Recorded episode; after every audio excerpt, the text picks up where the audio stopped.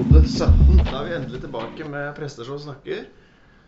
Godt å være tilbake. Det har vært lite snakking, eh, Espen. Det, det har vært. Det har vært påske, da. Eh, og, og vi har levert mye. Det fins mye gøy på YouTube og Facebook. Det går an å sjekke ut av ting som vi har. Du hadde jo tre av gudstjenestene i påsken. Torsdag, fredag og søndag. Og vi skal ikke snakke om det. Det, det opplever vi som ferdig snakka ja, nå. Vi ripper ikke opp i det. Nei, men eh, vi, vi skal derimot snakke om uh, sist søndags tekst. Og eh, Åsmund, uh, har du noen gang hørt historien om presten som en dag spurte kona si Han så henne dypt inn i øynene, og så spurte han Elsker du meg? Og hun ble litt sånn bekymra, litt sånn forfjamsa av spørsmålet, men svarte jo at ja, jeg gjør jo det. Og så så han på henne og sa fø mine lam. Sa han det, ja. Han Så sa det. Dette, dette har jeg lært på ekteskapskurs. Og dette er på en måte veien eh, til eh, skilsmisse. Altså å stille Starte opp med sånne kryptiske ting, Mm. det, det anbefaler jeg ikke, altså. Eh, og teksten vi skal snakke om, er jo Jesus som spør Peter tre ganger 'Elsker du meg?' Og tror du på en måte reaksjonen fra Peter kan ha vært litt, eh, litt tilsvarende denne kona, som syns det var ganske dårlig gjort å, å spørre så direkte? Eller er det lov, på en måte, siden det er Jesus som spør? Nei, jeg tror altså det er lov å stille spørsmålet 'Elsker du meg?' tre ganger. Det som er dårlig gjort, er å så inn tanker om eh, lam og, og, og sauer og den slags. Mm. Det skaper nok mye mer usikkerhet. Altså måtte knytte kjærligheten opp til, eh, til å drive med, med, med sm drift av småfe. Det er aldri noe sjakktrekk. Men jeg tror at uh, i bibelteksten så tror jeg Peter skjønte litt mer av hva Jesus uh, snakket om. Mm. Jeg tror Jesus egentlig knytta litt tilbake til samtaler som de hadde hatt tidligere. Ja. De var ganske åpne med hverandre, Jesus og Peter. Det her var liksom ikke noe sjokk. Nei Men han er Jesus altså Det som er, er jo at uh, uh, det, det går inn på Peter, for det står etter at han har spurt tre ganger, så, så står det Peter ble bedrøvet over at Jesus for tredje gang spurte om han hadde ham kjær. Mm. Så uh, Peter blir Han skjønner jo at det er en alvorsstund, da. Mm. Og så blir han litt lei seg. Um, og eh, Svein, som prekte på søndag, han gjorde jo et grep som, eh, som for så vidt ikke er ukjent for mange. Han knytta det jo opp mot påsketeksten om, Jesus, nei, om Peter som fornekter Jesus tre ganger. Og, og nå blir Peter spurt tre ganger 'Elsker du meg?' At det er på en måte en måte å gjøre opp for seg, nesten. At eh, Jesus på sett og vis understreker at han bærer ikke nag. At eh, Peter som har svikta tre ganger, han får nå si at han elsker Jesus tre ganger, og da er på en måte Da, da får Peter mulighet til å gjøre opp for seg. Ja. Tre nei nulles ut av tre ja. Mm. Som selvfølgelig samtidig altså, kan jo skape utfordringer hvis man tenker at det betyr at det er en sånn ekvivalens. Altså for hver gærne ting jeg gjør, eller for hver gang jeg svikter eller skuffer Gud, så må jeg gjøre en god ting etterpå for å gjøre opp for meg. Da får du jo fort litt sånne tanker om eh, Litt sånn som jeg fort assosierer med, om ingenting annet, i hvert fall middelaldersk eh, skriftmål-tankegang og sånn. At OK, du ber 20 Fader vår og 30 Ave Maria, og så, så har du nulla ut det her på en måte. At det kan jo være problematisk. ja. Det kan være problematisk på mange måter òg, fordi det krever jo også at eh, man tenker at man har en slags bevissthet over de tingene man gjør bra, og de tingene man gjør dårlig. Og det tror jeg ikke vi har. Jeg tror at uh, ting er mye mer skjult for oss sjøl. Mm. Og enten om vi gjør gode eller dårlige ting, så klarer vi ikke alltid å redegjøre for det. Mm. Uh, Jeg har aldri tenkt på ja. Gud som Mm. Aldri tenkt på Gud som en sånn uh, regnskapsfører eller sånn uh, Hva heter det de som undersøker, som sjekker bøkene og sånn? Revisor. Ja. Jeg tror ikke Jesus eller Gud er en revisor. Nei. men en mye, mye rausere relasjon enn det, tror jeg. Mm. Og det er nok noe jeg har gått hen i å tenke mange ganger i løpet av livet. Altså, at jeg har tenkt at Gud er litt som en sjef, på en måte. En sjef som, som henger litt over deg og sjekker at du gjør det du skal, og blir skuffa når ikke du leverer det du har sagt at du skal levere, på en måte sånn. Og, Og det blir jo et veldig begrensa bilde man får av Gud, da. Hvis Gud kun er en som ser det bra og liker det, og ser det dårlig og liker det ikke, da, da har man et veldig Da blir Gud veldig liten i det bildet, føler jeg. Ja, altså det, det, er, det er kanskje, men det er jo ett aspekt ved det. Altså øh, vi, vi, vi, skal, vi lever jo ordentlige liv, på en måte, og jeg står jo inne for de tinga jeg gjør. Og Gud er jo interessert i det, at, at jeg skal leve et ordentlig liv. Men, men øh, hvis det er det gudsbildet man har, så blir det veldig snevert. Mm. Enig. Eh, et, eh, et, element her som jeg tenker er viktig, og det, det berører jo det du snakka om i stad. Altså at Jesus og Peter hadde jo en forutgående relasjon for denne samtalen. Og ikke bare det, men det skjer jo ting før denne teksten som vi er innom nå. Det at eh, de, de ser Jesus på stranda. Peter han klarer ikke å vente. Han hiver seg ut i vannet og svømmer inn, til og med. Og så, og så spiser de sammen. Så det er jo ikke sånn at Jesus ikke vil være sammen med Peter. Altså De spiser sammen akkurat som de spiser sammen på skjærtorsdag. Det kan godt hende det er et veldig intimt måltid, det å sitte ved stranda, tenne bål og, og spise fisk. Så Jesus er tett på de akkurat som før. Det at han nå tar Peter til sida, kanskje er det på en måte deres mellomværende. At Jesus vil understreke for Peter at du, det som skjedde sist vi så hverandre, det, det tenker jeg ikke på engang, liksom. Det, det er vi ferdig med. Eller kanskje handler det litt om, som teksten indikerer litt, at det skal også si noe om den viktige rollen Peter får videre. Altså Peter som fikk navnet Peter, eller Klippen, fordi Jesus ville bygge sin kirke på ham. Han skal på en måte fortsette jobben sin. Det hintes jo til og med om altså det at Peter skal dø for troa si etter hvert. Ja. ja da, altså det er jo Hvis man tenker på en måte prøver å leve seg litt inn i handlingen, da, så har du svikta din beste venn. Uh, han som har gitt deg alt, på en måte. Så har du svikta han i det viktigste øyeblikket. Når du egentlig Når du virkelig har blitt uh, satt på prøve, så har du svikta. Og så skjer det utrolig at han kommer tilbake fra døden. Det er jo helt absurd i utgangspunktet. Mm. Og så sitter de der og spiser og tenker at hvordan tankene til Peter raser gjennom hodet, liksom. For det første dette ubegripelige at Jesus er der. Og for det andre det svære usagte som er mellom det. Mm. Og jeg syns jo det er veldig eh, bra. Jeg syns det er veldig sånn lovende at det er Jesus som tar den kontakten han venter ikke til Peter kaster seg på sine knær. For jeg vet at eh, Jeg kjenner også på min egen stolthet. Det skal ufattelig mye til før jeg er i den posisjonen. Men Jesus henvender seg til ham med navn. Simon, sønn av Johannes, elsker du meg? Altså, Han gjør nesten sånn med sånn, sånn formell sak. Mm. Og så nå skal vi snakke om dette. Denne elefanten i rommet. ikke sant? Nå skal vi snakke om det. Og så snakker han om det på en sånn kjempegrundig måte. Og det, det jeg Det kan vi lære mye av. Mm. Og storheten i det å være den som tar opp temaet, og som, som gjør det på en så grundig måte at man, når man går derfra, så kan man tenke åh, så bra at vi hadde denne samtalen. Mm.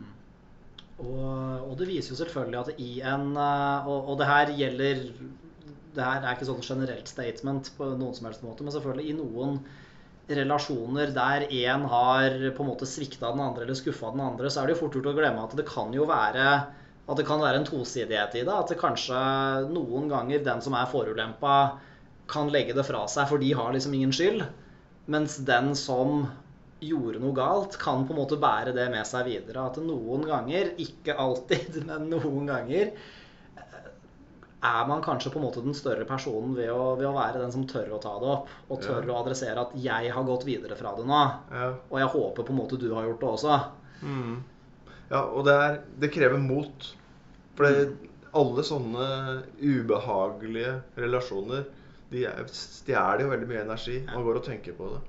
Men en ting jeg hadde lyst til å drøfte litt med deg, yeah. som jeg syns er litt skummelt med den teksten, som eh, ikke ble nevnt i gudstjenesten eh, på søndag, eh, det var det at det, eh, det står Da du var ung? Ja, Bandt du beltet om deg og gikk dit du selv ville? stemmer. Men når du blir gammel, skal du strekke ut hendene dine, og en annen skal binde beltet om deg og føre deg dit du ikke vil.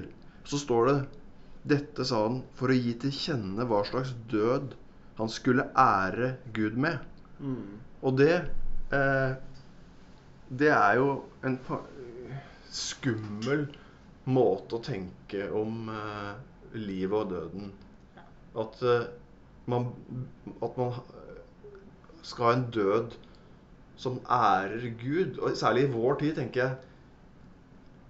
Det er, eh, det er en, på en måte en sånn eh, Det ligger en slags sånn martyrtanke der. Mm. Som, som på den ene siden er veldig sånn imponerende, men på den andre siden har et sånt veldig skjær av fanatisme over seg. Jeg tror vi absolutt skal eh, oppriktig på en måte ta med oss at det er noen mennesker som Altså I spørsmålet mellom livet og troa, så er det troa som veier tyngst. Og, og at det er både forbilledlig og utrolig. Men samtidig ta inn over oss at eh, Og jeg tror det er en viktig del, ikke minst i kristendommen, som jo er en religion som kretser mye omkring det at Jesus døde og sto opp. Altså det at eh, døden og en offerdød er på en måte veldig høyt aktet hos oss. At vi må ikke glemme at Jesus levde også. Jesus levde et eh, altså 33 år kanskje, langt liv. Eh, hvor han gjorde mange ting og ble kjent med folk og sånne ting. Så, så det tenker jeg er én side av det. Så vi må ikke kimse av livet. Eh, og i tillegg til det, og selvfølgelig Peter han ble jo drept i en eh, forfølgelsestid. eh, hvor kristne ble drept for troa si. Og samtidig så vet vi jo at kristendommen levde jo videre. Og, og noe av det skjedde nok i husmenigheter og sånn, men en del av det skjedde nok rett og slett pga. folk som, som praktiserte sin tro i stillhet, men, men ikke gjorde noe bluss av det. Hvis alle døde som martyrer, ville jo ikke troa overlevd. Hvis, eh, hvis alle gikk i martyrdøden. Sånn kan det jo ikke fungere. Um, og inn i dagens situasjon så tror jeg det er viktig å huske at det er ikke sånn at eh, den eneste på en måte At eh, man ærer Gud særlig hvis man dør med en stor proklamasjon. Uh, Men jeg tror jeg- Gud jeg tror virker jo- mye i det stille, Ja. Jeg tror jo at denne teksten her, da, Mm. eh, som kanskje er eh, skrevet kanskje 90 år etter, etter, eh, etter Kristus, som vi sier, da, Mm. i den tida, og ble lest av mange som hvor det å være det mar martyriet hang jo over dem som en trussel. Mm. Fordi at det var mye forfølgelse, og kristendommen var en, en religion som var ny og veldig utsatt. Mm. Så at det, for dem så, så, så, hadde, så klang den der martyrdøden helt annerledes enn det gjør for oss. Mm. Og det er jo Johannes-evangeliet. Den samme Johannes som mest sannsynligvis skrev også Johannes' åpenbaring. Eh, vi er ikke 100 sikre, fordi eh, navnet Johannes står ingen steder i Johannes-evangeliet. Det står bare 'disippelen Jesus hadde kjær'. Eh, men vi tror det er disippelen Johannes. Og det vi vet om Johannes' åpenbaring, er jo at det er en tekst som iscenesetter veldig ideen med kampen mellom det gode og det onde, og alle de som på en måte faller i, i det store slaget mellom det gode og det onde, og, og hvordan de får sin trøst, og hvordan de på en måte toger inn i himmelen og til lammet og sånn. Så mange leser jo Johannes' åpenbaring også som et trøsteskrift Ja. til lidende kristne og til forfulgte kristne. Så hvis vi tenker Johannes-evangeliet litt i samme bane som det, Ja. så kan vi jo lese det at det står at Peter skulle ære Gud med sin død, litt på samme måte som de som kanskje hadde mista noen sjøl.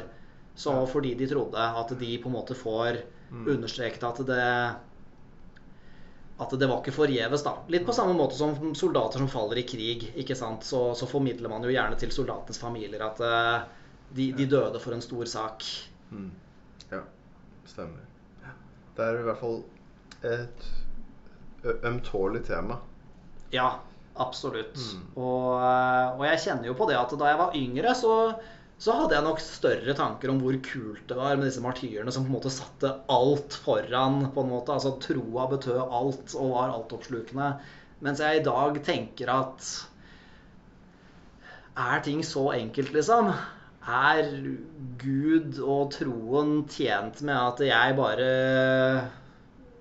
misforstå meg rett når jeg sier 'tar den enkle utveien'. hvis, eh, hvis jeg får retta et maskingevær mot meg og får beskjed om at eh, hvis, du, hvis ikke du sier nå at troen din er falsk, så skyter vi deg og hele familien din, på en måte. Ja. Eh, Nei.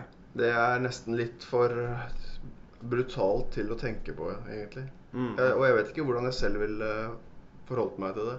I hvert fall ikke hvis man skal trekke familien inn i det. Eh, men hva med dette spørsmålet?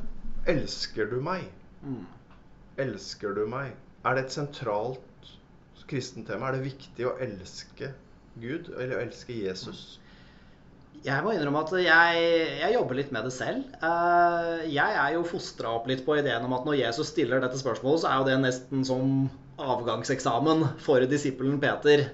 Her, her er det kun ett spørsmål på den eksamen, og det er 'elsker du meg?' Og jeg tror jo på mange måter at min prestetjeneste og mitt kristne liv sentrerer rundt ideen om at jeg elsker Jesus. At det Jesus har gjort for meg, er så stort at jeg, jeg kan ikke fatte det på en måte. Ehm, samtidig så finnes det mennesker som er langt mer følelsesmessig avstengt enn meg. Uh, jeg ville synes det var ultrakleint å bli stilt spørsmålet nesten uansett sammenheng Elsker du meg? Sånn rett på, liksom. Uh, men ja, jeg tror jo på en måte at det viser litt at tro strekker lenger enn bare de tinga vi forstår. Men også det går litt på hvem ønsker jeg å tilhøre. Men så, så tror jeg også Mye av det handler om språkbruk og der, hvor inderlig man er vant til å snakke om ting. Da. Mm. Altså Den inderligheten man har. Jeg husker en gang jeg, jeg Dette er eh, langt, langt tilbake, men jeg ble invitert til å holde andakt på et bedehus. Jeg, så jeg skal ikke engang si hvor det var. Men, og da var temaet at, skulle, at jeg skulle snakke om det med, lov, med lovprisning. Og da husker jeg at, det, at jeg endte opp med å si at den eneste sangen vi egentlig trenger å synge, det er denne sangen her. Og så sang jeg 'Jesus, jeg elsker deg'. Og det var en sånn utrolig klein eh, lovsang. Og eh, jeg tror kanskje siden jeg var så ung og naiv, så merka jeg ikke jeg selv hvor ufattelig kleint eh, det var. Men når jeg tenker tilbake på det, så så, så er det på en måte Det er, det er nok kanskje ikke det kleineste jeg har gjort. For jeg har gjort uh, grusomme, grusomme ting. Men det var høyt opp på lista. Det, og, og de som var der, de visste ikke hvordan de skulle forholde seg til det. For det, en sånn type inderlighet var så utrolig eh, fremmed for dem. Mm. Og det ble liksom så stilt ut rett i ansiktet på dem. Og jeg tror mange av dem gikk hjem og tenkte det kan godt hende vi skal elske Gud, i hvert fall ikke på den måten. Og det er jo fantastisk. Jeg ville blitt så glad hvis mennesker som har hørt meg preke noen gang, går hjem og tenker at vet du, presten var kanskje inne på noe der, men nei. Man skal prøve sine prester. Eh, men ja, og, jeg tenker det er jo riktig som du sier, altså det er en språklighet. For selvfølgelig der noen vil si at eh, du trenger bare denne ene sangen 'Jesus, jeg elsker deg', så vil jo andre kunne si altså vi lever ved tro alene, på en måte, i, i tillit til Gud. altså det eh, en, noen pinsekarismatikere kanskje vil kalle å bare hengi seg fullstendig til Gud i kjærlighet, Ja. vil eh, noen i Den norske kirke svare at eh, ja, altså Tro på nåden og, Ja. og de tinga der. Altså, ja, altså folk, jeg tenker, Etter hvert så, så tenker jeg at det har veldig mye med ulik smak å gjøre. Altså, noen, noen liker det ene, og noen liker det andre. Mm. Og det er ikke sånn at det ene er på en måte mer åndelig enn det andre. Det er to forskjellige måter å, å Mm. snakke på. Ja, og jeg har jo på en måte erkjent mer og mer jo eldre jeg blir, at eh, jeg, jeg må passe meg for å komme med sånne bastante påstander. Eh, For så har jeg i årrekke nå sagt sånne ting av typen liksom at eh, du tilber ikke Gud med følelsene dine, liksom. Altså Gud er mer enn bare en følelse. Men så har jeg liksom begynt å tenke at altså, kanskje, er, kanskje er det det for noen. Ikke sant? Ja. For noen så er det kanskje nettopp i følelsene tilbedelsen skjer. Ja. Og for noen så er det i tankene tilbedelsen skjer. Eh, og, og ingen av delene er verken riktig eller gærent.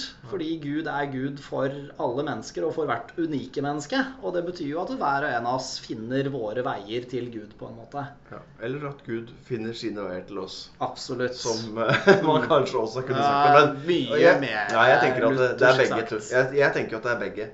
Mm. At retningen går begge veier. Eh, vi rekker ikke å snakke mer. Nei? Men eh, tusen takk for at dere fulgte med. Og vi kommer tilbake neste uke med en ny episode av Prester som snakker. Det gleder vi oss til. Så lenge. Guds fred.